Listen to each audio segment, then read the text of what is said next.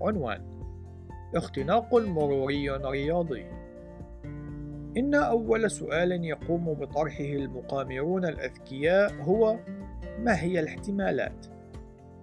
يوجد سبب وجيه يقف وراء ذلك السؤال إذ أن لعبهم وفق الاحتمالات المرجحة يمنحهم فرصة أفضل للربح إلا أن احتمالات نشوء العديد من الأشياء التي نراها في الكون وظهورها إلى الوجود دون تدخل عاقل أو وجود غاية ومقصد إنما هو غير معقول إلى درجة أن القبول به يتطلب جرعة غير عقلانية من الإيمان الأعمى.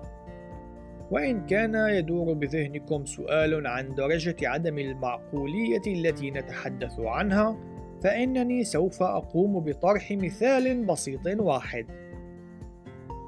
فلننظر إلى الخلايا الحية والبروتينات البيولوجية التي تتكون منها.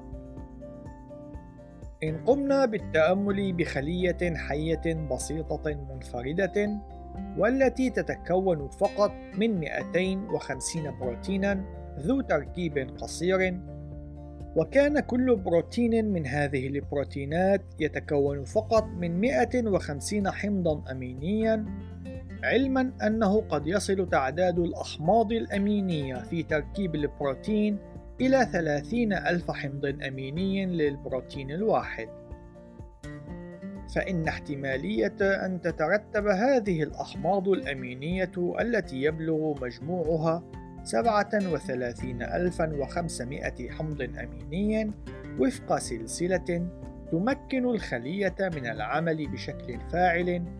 هي في الحقيقة فرصة واحدة من عشرة مرفوعة للقوة واحد وأربعين ألفا. أي أنها فرصة واحدة من بين كل عشرة متبوعة بواحد وأربعين ألف صفر عن يمينها. إن هذا الأمر يتسبب بمعضلة قاتلة للإلحاد.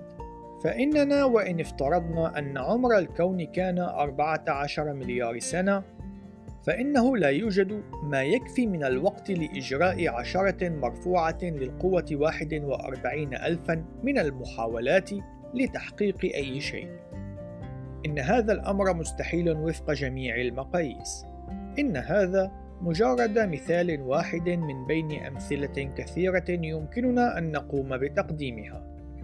قد يقترح البعض من الأشخاص في هذه المرحلة أن الإيمان بالله يتطلب مقدارا من الإيمان الأعمى يتساوى مع الإيمان بتحقق احتمالية نسبتها واحد من كل عشرة مرفوعة للقوة واحد وأربعين ألفا. إلا أن هذا الأمر بعيد عن الحقيقة.